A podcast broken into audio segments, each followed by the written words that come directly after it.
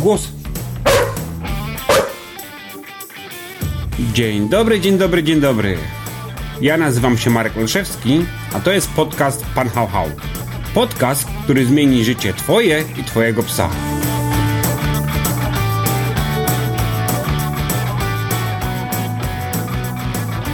No, witam Was serdecznie. Nazywam się Marek Olszewski, czyli Pan Hał Hał. Ze mną dzisiaj jest Weronika Dzido.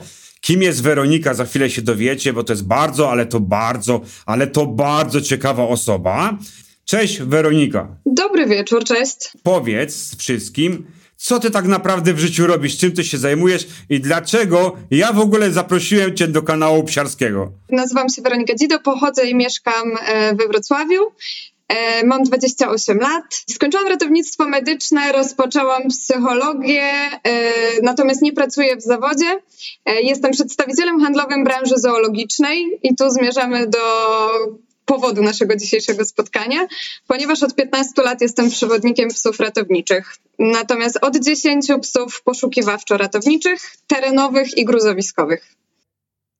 No dobra, ale to tak zabrzmiało, e, zabrzmiało dosyć oficjalnie. To teraz wytłumacz naszym, naszym słuchaczom, naszym widzom, co tak naprawdę robisz. Bo nie każdy był na twoim profilu, nie każdy widział twoje zdjęcia i to, co naprawdę przez kilka ostatnich lat ciekawego wyprawiasz. Gdybyś mogła tutaj ludziom powiedzieć, co, co w rzeczywistości oznacza to, co wymieniłaś, co robisz? Mhm.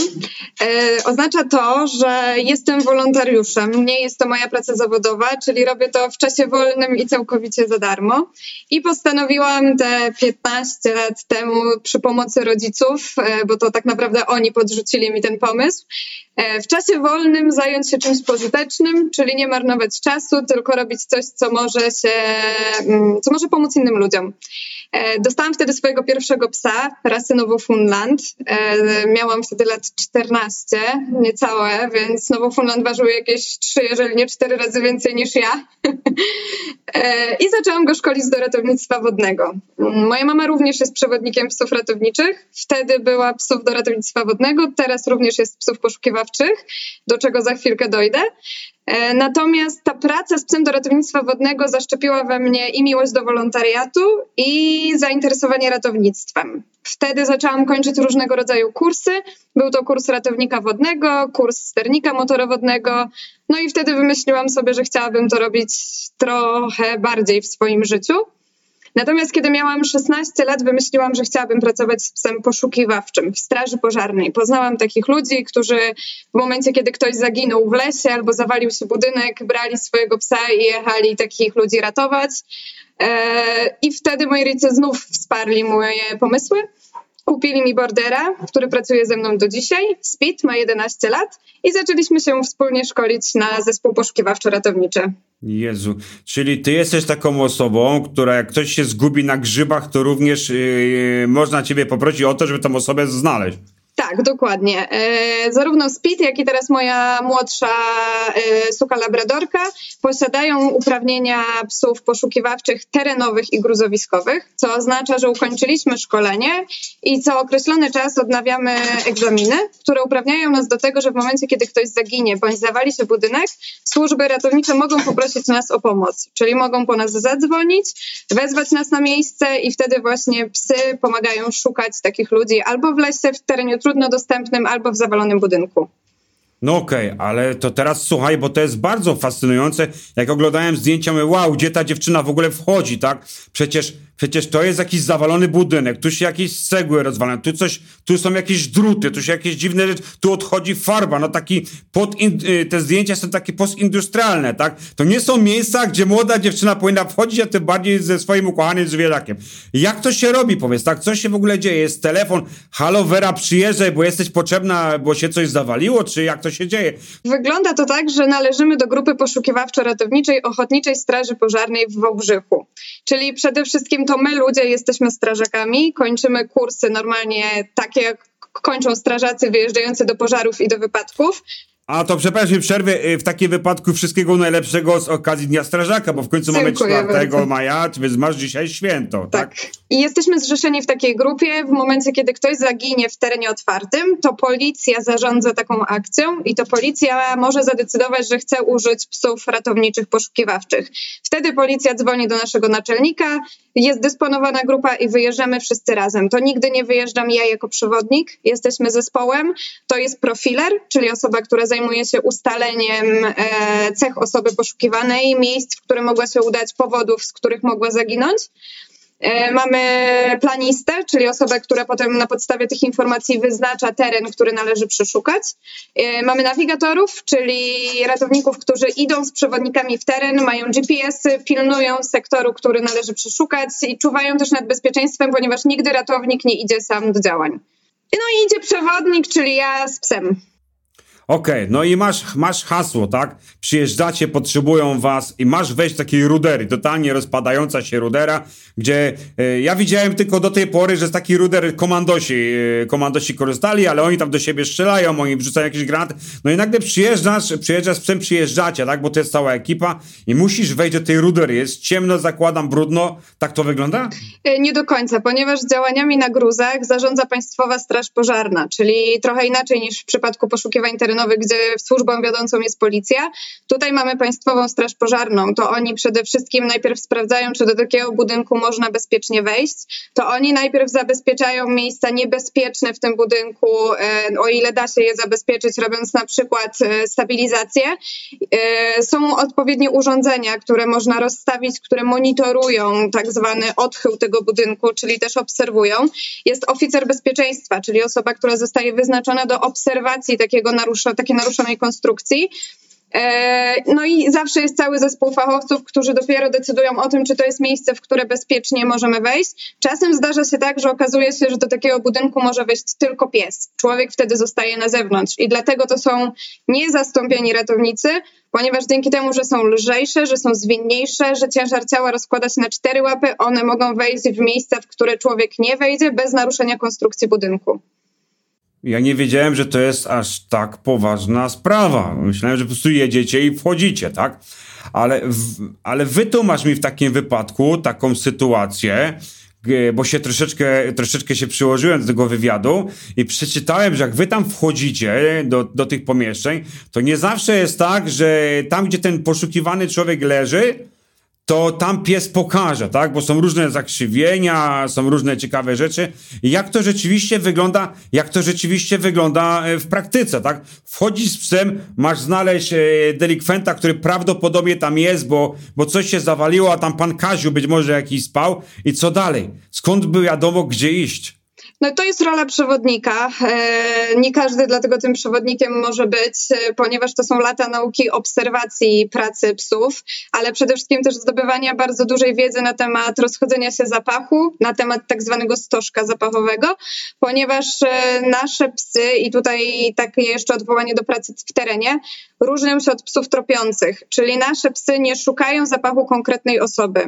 Nie potrzebujemy rzeczy do nawęszenia na początku akcji. Nasze psy mają wskazać każdą osobę żywą, która znajduje się w terenie, który przeszukujemy. Czy to jest teren leśny, czy to jest budynek e, to potem do ratowników należy zweryfikowanie informacji, czy to jest faktycznie osoba, której poszukiwaliśmy, gdyby na przykład w terenie pies oznaczył nam grzybiarza, który jest tam przypadkiem, jest zwykłym spacerowiczem.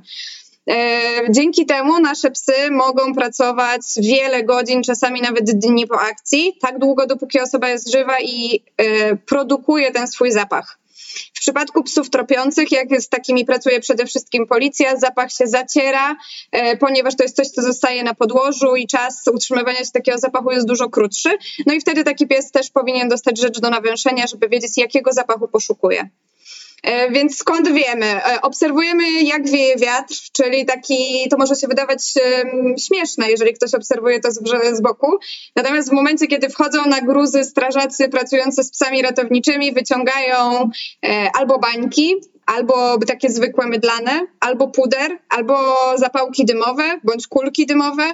To są wszystko narzędzia, które pomagają nam zwizualizować, w jaki sposób rozchodzi się zapach w tym miejscu, przy tych warunkach, które mamy. Dzięki temu możemy sobie wyobrazić, w którym miejscu pies ma szansę dostać zapach, czuć człowieka.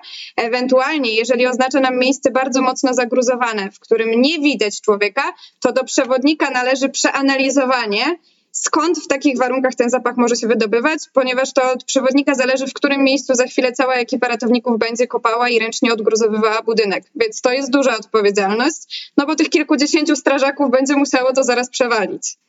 A jak, a jak, a jak się okaże, że się pomyliliście, to chłopaki będą wściekłe.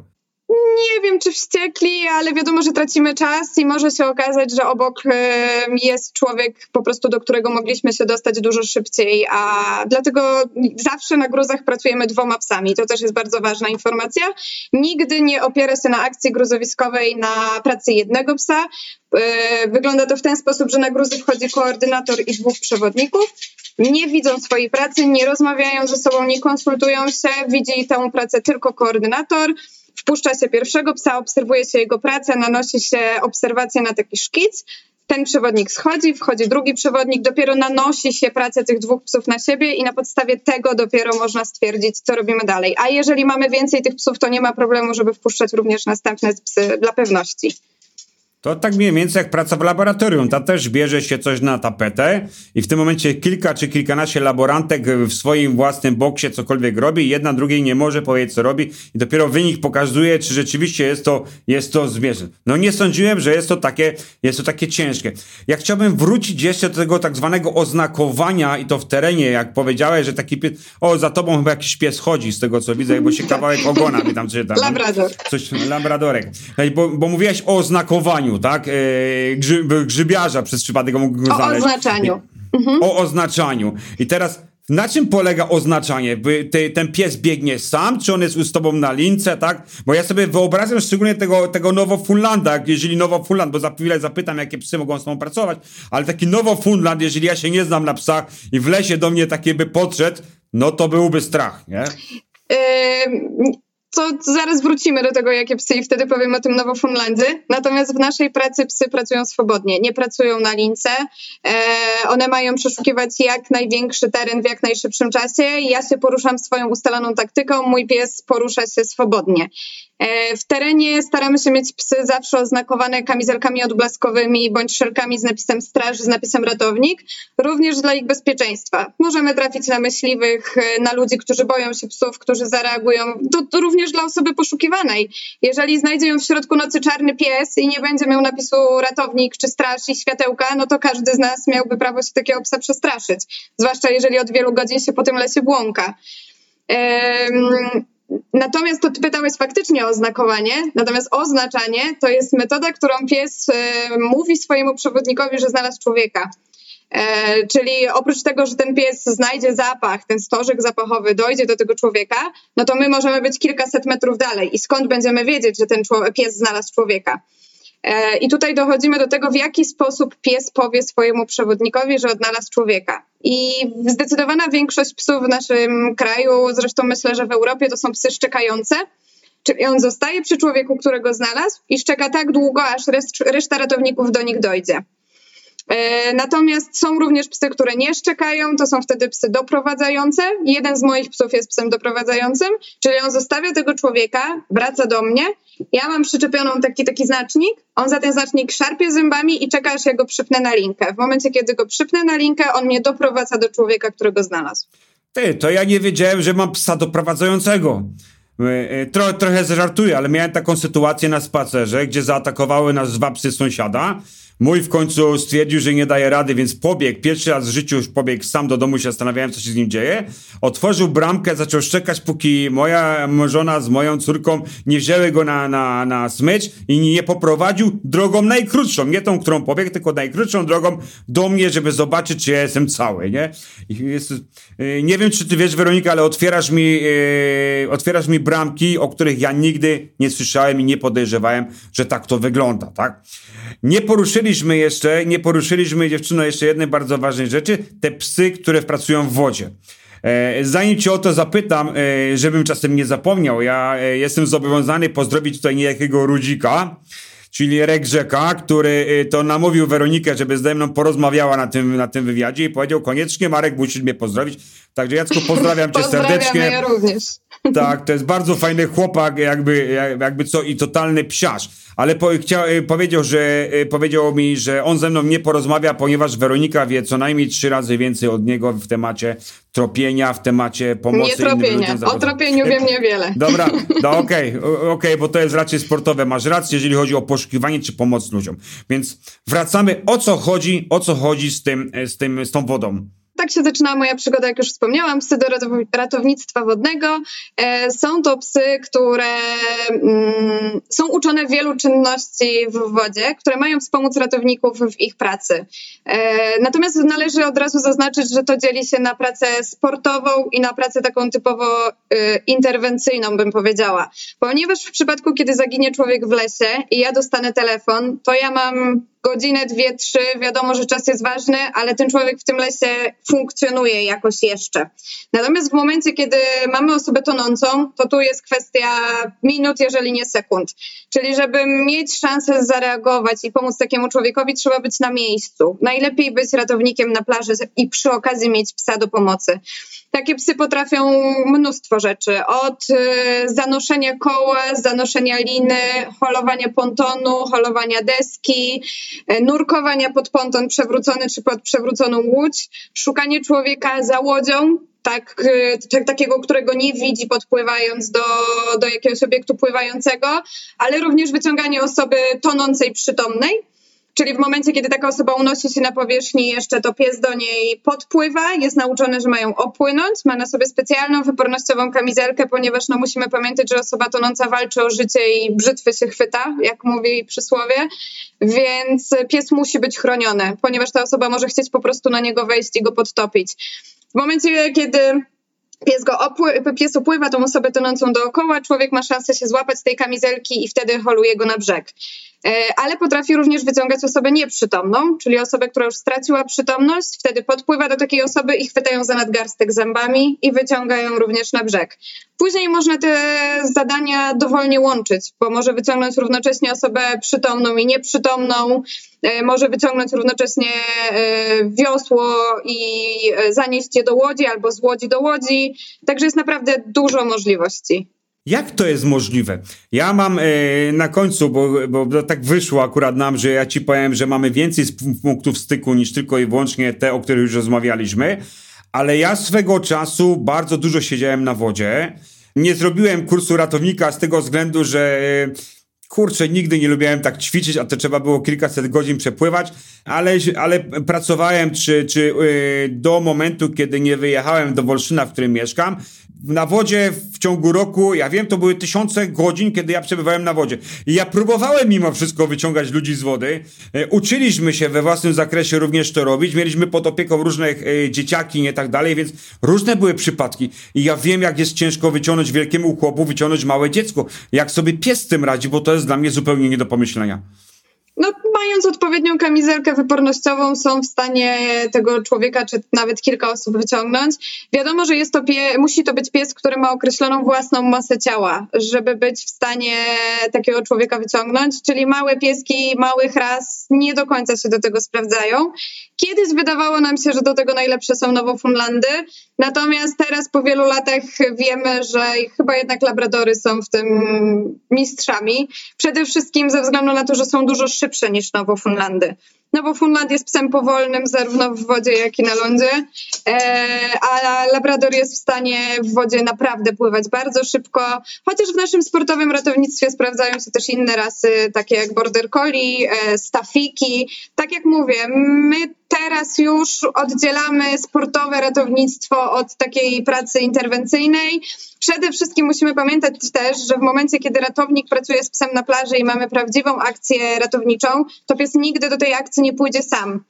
E, pies jest w takiej sytuacji tylko narzędziem, to ratownik będzie jak najszybciej starał się dopłynąć do człowieka. I tutaj pies przydatny może być w drodze powrotnej, ponieważ w momencie, kiedy człowiek, e, człowiek daje z siebie wszystko, żeby dopłynąć do osoby tonącej, złapie tą osobę, obezwładni ją, bo często tak jest, że trzeba ją uspokoić, e, dopłynie do niego pies i wtedy ratownik może się złapać tego psa i powoli już wracają sobie do brzegu, więc nie musi się martwić tym, że siłę musi rozkładać na dwie strony.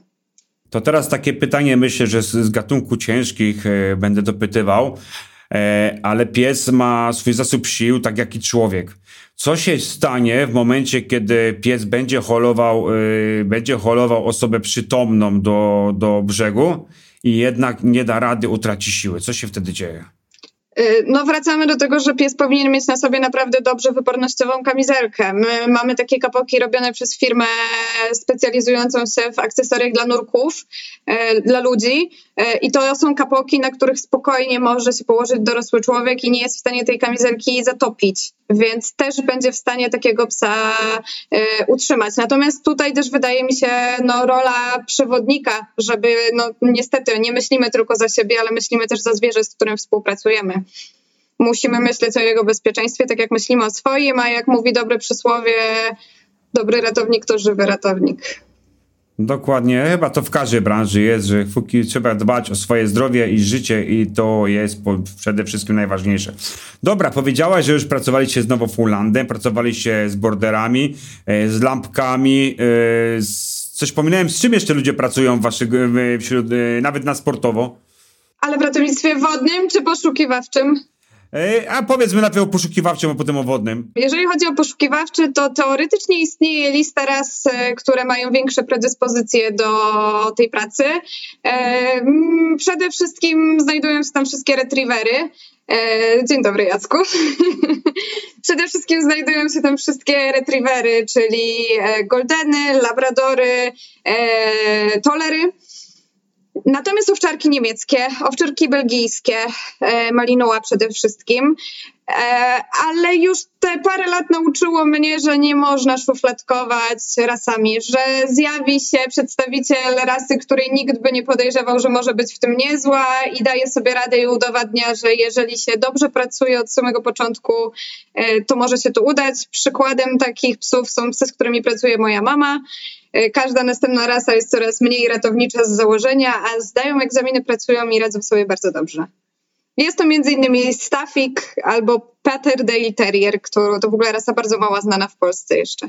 Powiedz mi, jakie cechy musi posiadać taki pies, żeby mógł e, popracować w takim zespole? E, przede wszystkim chęci z kontaktu z obcymi osobami, ponieważ to na tym bazuje praca poszukiwawcza, my uczymy nasze psy, one nie mają misji, nie mają poczucia bycia ratownikami, to nie, to nie tak. E, my na etapie szkolenia uczymy je, że człowiek, którego znajdą, każdy obcy człowiek jest najlepszym kompanem do zabawy i zawsze ma ich e, ulubioną, wymarzoną nagrodę. Więc jeżeli pies nie będzie miał chęci podchodzenia do obcych ludzi, kontaktu z obcymi ludźmi, to nie ma podstaw, nie ma na czym tego budować. E, musi być e, odważny, e, chętny do poznawania świata, chętny do współpracy z człowiekiem. I tutaj myślę, że można wykluczyć rasy pierwotne, które ten chęć kontaktu, współpracy z człowiekiem mają dosyć małą i trudno jest na tym zbudować. A w ratownictwie współpraca jest bardzo ważna, no bo bez tego się nie da po prostu. A w jakim wieku psy przyjmujecie do szko- na szkolenia? Szkolenie powinno się zacząć moim zdaniem od pierwszego dnia y, w domu przewodnika. Natomiast myślę, że już na etapie wybierania szczeniaka warto mieć z tyłu głowy, co chcemy z nim robić. I to wydaje mi się w każdej dziedzinie tak naprawdę, co byśmy nie chcieli z psem więcej w życiu robić. Y, warto się zastanowić, jakich cech u psa szukamy. Y, my mamy coś takiego jak testy szczeniąt opracowane przez Szwedów, bo oni są dosyć mocno w, w tym temacie rozwinięci. E, to są to jest seria z takich sytuacji, w które wprowadza się szczeniaki w określonym wieku i sprawdza się, jak one na nie reagują. E, one są ułożone w konkretnej kolejności. To nie jest przypadkowa kolejność, ze względu na to, że z ćwiczenia na ćwiczenie mm, wywiera się na psie trochę większą presję, czyli trochę bardziej się go obciąża, żeby zobaczyć, jak on sobie z tym obciążeniem radzi. To jest reakcja na nagły mm, bodziec wzrokowy, na nagły hałas. I to nie chodzi o to, że ten pies nie może się przestraszyć, bo to jest naturalne, że jeżeli coś huknie, to małe dziecko się przestraszy. Chodzi o to, jak szybko on sobie z tym strachem poradzi i co z nim zrobi. Czy podejdzie sprawdzić, co zahałasowało, czy schować się za fotel i już do końca spotkania za niego nie wyjdzie. Yy, natomiast, żeby pies mógł zdać swoje pierwsze egzaminy, musi mieć 18 miesięcy. To są egzaminy, które jeszcze nie uprawniają do udziału w akcjach. Egzaminy, które uprawniają do udziału, można zdać w wieku 24 miesięcy, czyli dwa lata. No i myślę, że to jest taki czas minimum, które trzeba poświęcić na przygotowanie dobrego psa ratowniczego. Czyli mój y, pies, y, ja mam wyżła weimarskiego, i który jest bardzo przyjazny, bardzo kontaktowy, bardzo fajny, już jest, ale czteroletni, już jest zdecydowanie za późno na niego, żeby mógł cokolwiek e, z nim zrobić w tym kierunku. Niekoniecznie, bo zdarzają się sytuacje, w których ludzie przychodzą z dorosłymi psami i stwierdzają, że chcieliby, bo wcześniej nie wiedzieli, nie pomyśleli, dowiedzieli się teraz i chcieliby spróbować. E, ja uważam, że każdemu psu trzeba dać szansę, ale też każdemu przewodnikowi, bo my zapraszamy zawsze takie osoby do siebie na parę treningów, e, zapraszamy je do pozorowania, czyli do udziału w trenowaniu naszych psów, e, do wcielenia się w tą rolę osoby, której będą poszukiwać. E, I często okazuje się, że ludziom się wydawało, że to wygląda inaczej i wcale nie chcą tego robić. I to wtedy nawet nie jest kwestia psa, tylko po prostu człowieka. Czyli jak w każdym zawodzie, to co widać z zewnątrz, to jest, to jest yy, wierzchołek góry lodowej, tak naprawdę większość rzeczy nie widać, to dopiero trzeba wejść do środka, żeby się przekonać. Dobrze, że mi to mówisz, bo właśnie u Jacka yy, zawsze on mi imponował tymi pięknymi zdjęciami, gdzie on tam wskakuje do wody, nie wiem, zawsze biedny ten fotograf, on chyba też siedzi w wodzie, że takie piękne tak, zdjęcia robi. I zawsze mówię, wow, chciałbym mieć takie zdjęcie, bo ono wygląda pięknie, ale podejrzewałem, że to do końca już tak pięknie nie jest, bo, bo to jest tylko ten ten, ten jedna setna tego, co wy tam robicie i co może się wydarzyć. Ja kilka razy zapytałem o kursy, czy yy, ludzie, którzy posłuchają tego podcastu, tego odcinka, albo oglądają nas teraz na żywo na Facebooku, ewentualnie na YouTubie i chcieliby spróbować, chcieliby spróbować, to gdzie oni powinni się udać w tym momencie? E, myślę, że powinni się do, zorientować, czy w ich okolicy już funkcjonuje grupa poszukiwawczo-ratownicza, ochotnicza, bądź jakiekolwiek stowarzyszenie, bo to nie zawsze musi być w ramach e, Ochotniczej Straży Pożarnej. Myślę, że warto do takiej grupy napisać. E, my cierpimy jako przewodnicy psów ratowniczych zawsze na niedobór obcych pozorantów, więc myślę, że większość grup w Polsce chętnie przyjmie kogoś na trening, pokaże mu, jak to wygląda, opowie i myślę, że to jest najlepsza droga. Ja zachęcam do tego, żeby jednak y, szukać grup, które już działają od wielu lat, mają instruktorów, mają doświadczenie i wiedzą, y, z czym to się wiąże i mogą ewentualnie potem poprowadzić w tej drodze. Okej, okay. macie jakieś kursy takie, że tam można gdzieś wyklikać na Facebooku i się okaże, że jest jakiś kurs dla takich ludzi, czy najpierw uważasz, że trzeba przejść przez te grupy, yy, zobaczyć najpierw, yy, czy mi, to w ogóle jest dla mnie, a dopiero potem się na jakiś kurs zapisać? Zdecydowanie, to znaczy tak, są organizowane seminaria weekendowe przez różne osoby, które na co dzień są związane z ratownictwem, to są seminaria, które są skierowane do osób takich powiedzmy, które chcą właśnie zobaczyć, wtedy mówimy, że to jest na ogół praca górnym wiatrem, a nie ratownictwo, bo do ratownictwa to jeszcze daleka droga od tego, bo tak jak mówię, to nie pies, tylko zespół robi dopiero e, całość zespołu poszukiwawczo-ratowniczego. Są, jest kurs organizowany dla przewodników psów e, ratowniczych, ale to jest już kurs organizowany przez Straż Pożarną. Trzeba tak naprawdę należeć do jakiejś grupy będącej już w systemie, mieć skończony kurs strażaka, być już w temacie. E, no i myślę, że trzeba już mieć pewność, że chce się w tą stronę iść, bo kurs kosztuje swoje pieniądze, trwa tydzień, więc trzeba wziąć urlop. E, więc zachęcałabym raczej na początek do poszukiwania jakichś weekendowych seminariów, gdzie można się zapisać nawet jako obserwator, niekoniecznie od razu jako uczestnik z psem i już wtedy stwierdzić, czy to jest coś, co mnie interesuje, czy nie. Muszę, muszę z własnego doświadczenia powiedzieć, że to, co ty mówisz, uważam, że jest bardzo ważne i bardzo mądre w sposób przechodzenia.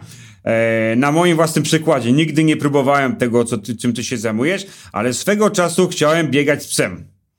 E, I na moje szczęście właśnie, właśnie zrobiłem to w sposób, w którym ty mówisz. Pojechałem na trening dla tych, co biegali, podpieli mi emerytkę, e, emerytka, stawkę mi podpieli. Ja mówię, co wy mi ludzie podpinacie? Przecież ja jestem maratończyk, ja sobie daję rady z krótką przerwą, ale bez problemu. Po dwóch kilometrach ja się straszliwie cieszyłem, że ten pies był emerytem i że na końcu go trzeba było przymuszać do biegnięcia. I przekonałem się, że co prawda dziedzina jest dla mnie, ale chłopie, troszeczkę wyluzuj, tu trzeba powolutku z wszystkim poprawić pracować. Także rzeczywiście ja potwierdzam, każdy, jeżeli coś wygląda, czym bardziej wygląda to widowiskowo na zewnątrz, tym bardziej dobrze jest powolutku, krok po kroku do tego, do tego przejść. Dobra. Weronika, powiedz ty ludziom, jak ty często uczestniczysz w ogóle w szkoleniach? E, treningi w naszej grupie mamy rozpisane dwa razy w tygodniu. Są to wtorki i czwartki. Dodatkowo dochodzą nam weekendy, treningi weekendowe. E, przynajmniej raz w miesiącu mamy weekend grupowy, treningowy. E, dodatkowo ja od samego początku swojej pracy ratowniczej najbardziej lubię pracę z innymi grupami. To znaczy ja nie zamykam się w środowisku sobie dobrze znanym, e, tylko najbardziej lubię spotykać się z grupami takimi jak nasza z całej Polski, bo uważam, że najwięcej uczę się nie pracując z własnym psem, tylko obserwując pracę innych zespołów.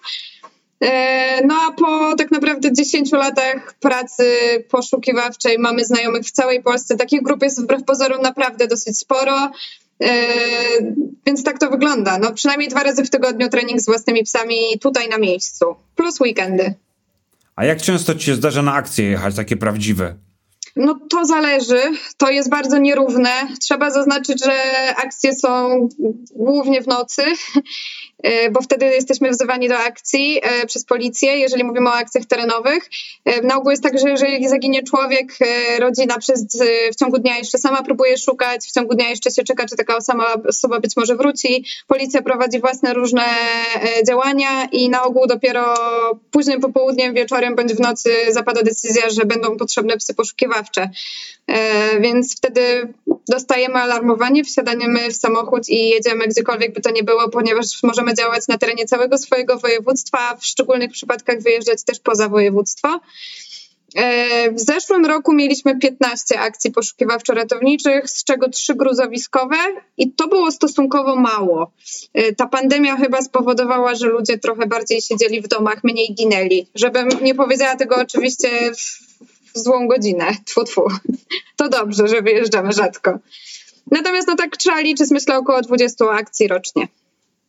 Chciałem się ciebie zapytać, czy to jest opłacalne, ale powiem ci szczerze, że nie zadam ci tego pytania z nie tego zadałeś. względu, że, że poziom, znaczy poziom zaangażowania, który jest potrzebny, poziom treningu, poziom e, czasu, który trzeba poświęcić i, i, i, różnych innych rzeczy, w tym nockę, którą trzeba bardzo często zarwać, to myślę, że jakiekolwiek pieniądze by nie płacili, to jest i tak to... No właśnie, czy to jest pasja, sport, czy praca? Co to w ogóle jest? Myślę, że pasja. E, no sport nie, bo chodzi tutaj o ludzkie życie, więc zdecydowanie nie nazwałabym tego sportem. E, dla sportu robię w tej chwili ratownictwo wodne, robię to raz do roku na dwutygodniowym obozie.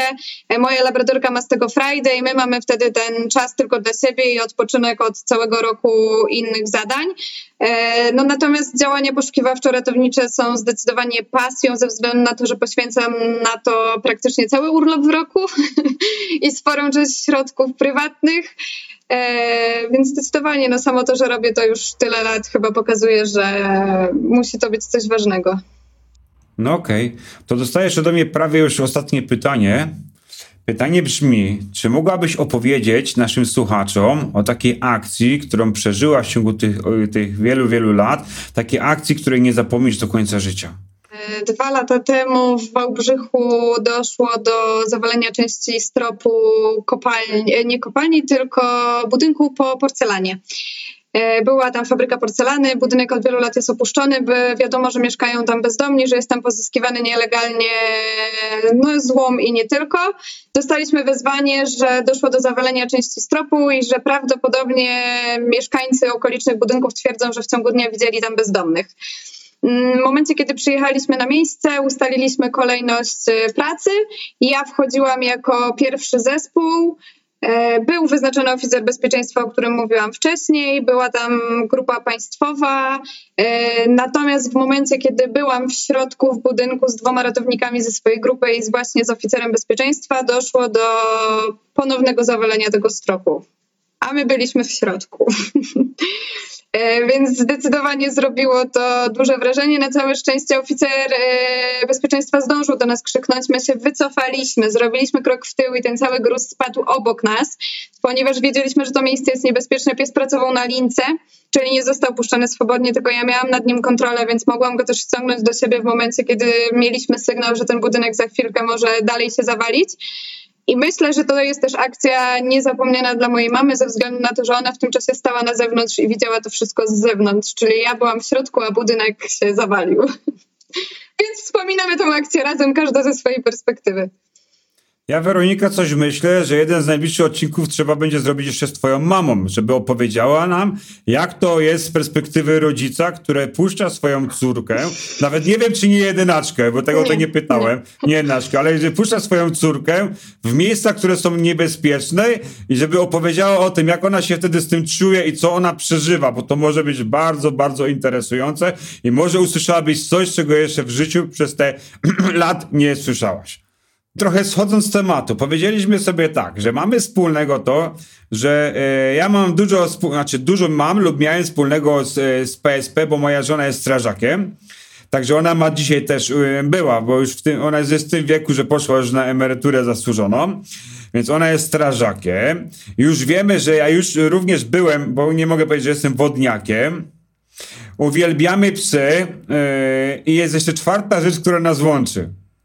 Jest to mhm. No, ja wiem, nie wiem, czy mam powiedzieć. No oczywiście, możesz powiedzieć, tym bardziej, że na początku powiedziałaś takie zdanie, że to twoja mama zaszczepiła cię wolontaryzmem w momencie, kiedy miałeś 14 lat i zaczęło się od psów, a potem poszło jakby dalej. Ja wiem tylko o rzeczach, które nas łączą, nie wiem, co dalej. Jeszcze ciekawego się dzieje. Czyli przystanek Woodstock i pokojowy patrol, Fundacja WOŚP. Dobra, e, e, przybliż pokrótce ludziom, co się tam robi, bo ja jako stary Woodstockowicz dokładnie wiem, jaką wy robotę, mówiąc kolokwialnie, odwalacie, ale ludzie nie wiedzą i oni nie wiedzą, że wy w ogóle istniejecie. To zależy, jak ktoś bardzo obserwuje działania fundacji, ale tak, Fundacja Wielka Orkiestra Świątecznej Pomocy. E, jestem wolontariuszem, ale nie tylko takim wolontariuszem chodzącym z puszką w styczniu, zbierającym pieniądze do puszki, chociaż tak zaczynałam, bo taka w większości jest, taki w większości jest początek drogi. E, jestem również członkiem grupy wolontariuszy Pokojowy Patrol, e, czyli służby informacyjnej pracującej na no, kiedyś festiwalu Przystanek Woodstock, w tej chwili Poland Rock Festival.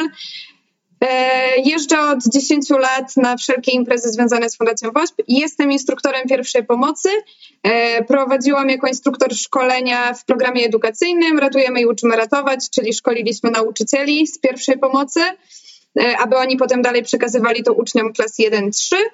E, no i przeżyłam osiem przystanków Woodstock, festiwali Poland Rock e, w, w, właśnie w roli pokojowego patrolu. Głównie większość tego czasu w, od strony redakcji internetowej, centrum prasowego, czyli słanie całej relacji z pola w świat. E, a oprócz tego od 10 lat co roku jestem na finale w studiu telewizyjnym i pomagam również organizować to wszystko, co widać w telewizji. Ja w ogóle nie wiem, dlaczego użyłaś słowa przeżyła się, nie rozumiem tam po prostu. E, bo niestety, no, niestety w zeszłym roku nie byłam, dwa lata temu byłam prywatnie i nie byłam w pracy, także miałam przerwę po prostu. Jeszcze nie wróciłam do tej roli, więc na ten moment mówię o tym w czasie przeszłym.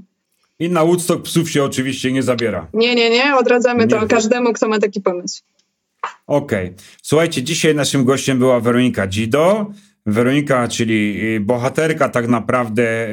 Bohater bo... jest tam z tyłu. Jeden jest. Słuchajcie, e, ja życzę sobie i wam, abyście nigdy nie musieli korzystać e, z usług ani Weroniki, ani jej znajomych, żeby wszystko się zawsze dobrze kończyło i żeby wszystkie, wszystkie nasze bajki kończyły się naprawdę dobrze. Także Weronika, bardzo Ci dziękuję za wywiad. Bardzo dziękuję za zaproszenie. Z Państwem się żegnamy i słuchajcie, do usłyszenia, do zobaczenia. Hello. Tak, głos. Na dzisiaj to już niestety wszystko. Czas się pożegnać. Bardzo dziękuję Ci za to, że byłaś, byłeś dzisiaj ze mną. Pozostaw proszę po sobie ślad, najlepiej w postaci super oceny w aplikacji podcastowej. Zapraszam Cię także do polubienia mojego fanpage na Facebooku oraz konta na Instagramie. Jeżeli jeszcze tego nie zrobiłaś, nie zrobiłeś, koniecznie subskrybuj podcast Pan Hał Hał, a nie ominiecie żaden kolejny odcinek. Już za dwa tygodnie słyszymy Cię ponownie. Naprawdę super, że jesteś. Do miłego usłyszenia.